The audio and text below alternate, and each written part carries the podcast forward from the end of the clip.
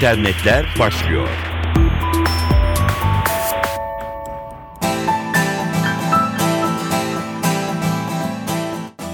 Merhaba, dijital dünyadan gelişmelerle karşınızdayız. Mikrofonda Dilara Eldaş. Posta ve Telgraf Teşkilatı Anonim Şirketi'nin PTT'nin kuruluşu, yapılanması ve faaliyet konularına ilişkin usul ve esasları düzenleyen Posta Hizmetleri Kanunu tasarısı Türkiye Büyük Millet Meclisi Başkanlığı'na sunuldu.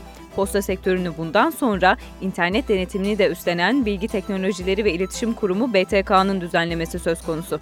BTK, posta sektörüne ilişkin olarak Ulaştırma, Denizcilik ve Haberleşme Bakanlığı'nca belirlenecek politika ve stratejilere uygun olarak kullanıcılara güvenilir, kesintisiz ve karşılanabilir bir ücretle posta hizmetleri verilmesi için gerekli düzenlemeleri yapacak. Tarifelerin onaylanması, izlenmesi ve denetlenmesine ilişkin yöntemlerle tarifelerin alt ve üst sınırlarıyla bunların uygulama, usul ve esaslarını belirleyecek.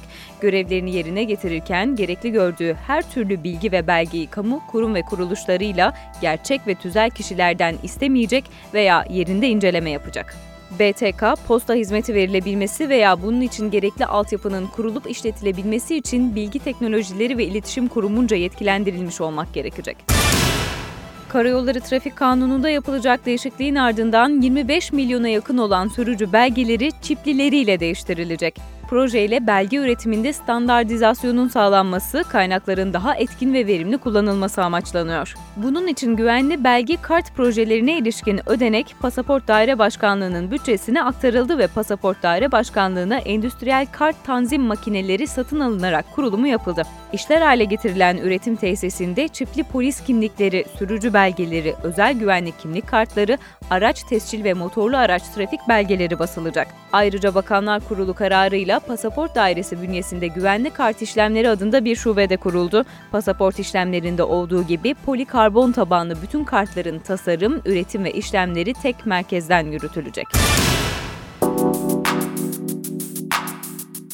Bilişim sektörümüzü ilgilendiren konulardan sonra geçiyoruz internete. Windows işletim sistemine Internet Explorer'a alternatif diğer tarayıcıları dahil etme konusunda Avrupa Birliği ile anlaşan Microsoft'un buna uymadığı ortaya çıktı. Avrupa Birliği Komisyonu 2009 yılında Bilişim Devi Microsoft'la bir mütabakata varmıştı. Şirket o dönem 659 milyon euro ceza ödemek zorunda kalmış ve Microsoft kullanıcılara Internet Explorer dışındaki web tarayıcılarını kullanma imkanı sunacağı taahhüdünde bulunmuştu. Şirket 5 yıl boyunca Windows kullanıcılarına Internet Explorer dışındaki Mozilla gibi, Google Chrome gibi web tarayıcılarına erişimin de mümkün olduğu nesnel bir arayüz hazırlanacağı sözünü vermişti. Ancak Microsoft'un diğer web tarayıcılarına erişimi bilerek engellediği öne sürülüyor. Avrupa Birliği Komisyonu'nun vardığı karar da aynı yönde. Microsoft'un bu anlaşmayı Mayıs 2011, Haziran 2012 yılları arasında satılan yaklaşık 15 milyon adet Windows 7 ile ihlal ettiği ifade ediliyor. Şirket bunu telafi etmeye çalışmış ve teknik bir hata olduğunu öne sürmüştü geçen yıl. Avrupa Birliği Komisyonu açıklamasında bu tür bir mütabakatın ilk kez bir şirket tarafından ihlal ettiğini de altını çizdi. Komisyonun rekabet uzmanları yıllardır Windows'la uyumlu yazılım ürünleri nedeniyle şirketin faaliyetlerini mercek altında tutuyor. İşletim sistemi Windows, Avrupa'daki bilgisayarların yaklaşık %90'ında kullanımda. Sevgili dinleyenler, telefonlar o kadar akıllı hale geliyorlar ki artık bize meditasyon bile yapabilecekler. Kanadalı bir şirket tarafından geliştirilen uygulama akıllı telefon teknolojisindeki ilgi çekici yeniliklerden biri olabilir.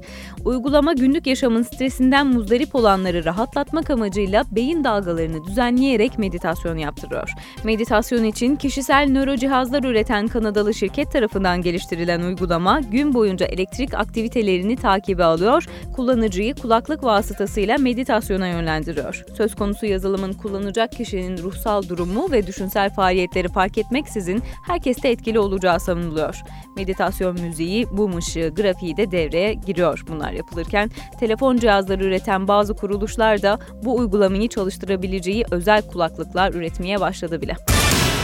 Ve başka bir yeni uygulama, bireysel habercilik, yurttaş gazetecilik gibi kavramlar benim anahtar kelimelerim diyorsanız, akıllı telefonunuzu bu işlev için kullanıyorsanız, mobil uygulama Hootcast işinize yarayabilir kullanıcılarını birer muhabire dönüştürerek sosyal medyada haber paylaşımını en etkin düzeye taşımayı hedefleyen bir platform. Lokasyon tabanlı çalışabilen Hootcast, haber yazmak ve paylaşmak için kullanıma hazır. Podcast gibi platformlar sayesinde sokakta gördüğünüz çok ilginç, çarpıcı, dikkat çekici bir olayın Twitter'da başkaları tarafından tekrar paylaşılmasını beklemenize gerek yok fark edilmek için. Tamamen haber paylaşımına odaklanan, bunu hiçbir coğrafi sınır tanımadan ve ilk elden hızlı şekilde sunan mobil uygulamalar bu alanda algıları açık olanları daha da teşvik edebilir. Bir fotoğraf ve kısa bir açıklamayla oluşturacağınız haberiniz saniyeler sonra tüm dünyada gösterilebilir. Örneğin Hootcast'ta diğer kullanıcıların paylaştığı haberi yerelden genele doğru takip edebiliyorsunuz. Uygulamanın kılavuzunda haber üretmenin nasıl yapıldığı, iyi ve kötü kast örnekleri, haberlerin denetlenmesi ve engellenmesini gerektiren durumların neler olduğu ayrıntılı bir şekilde açıklanıyor. akıllı telefon kullanan herkesin aynı zamanda hassas birer yurttaş gazeteci olması ümidiyle. Hoşçakalın.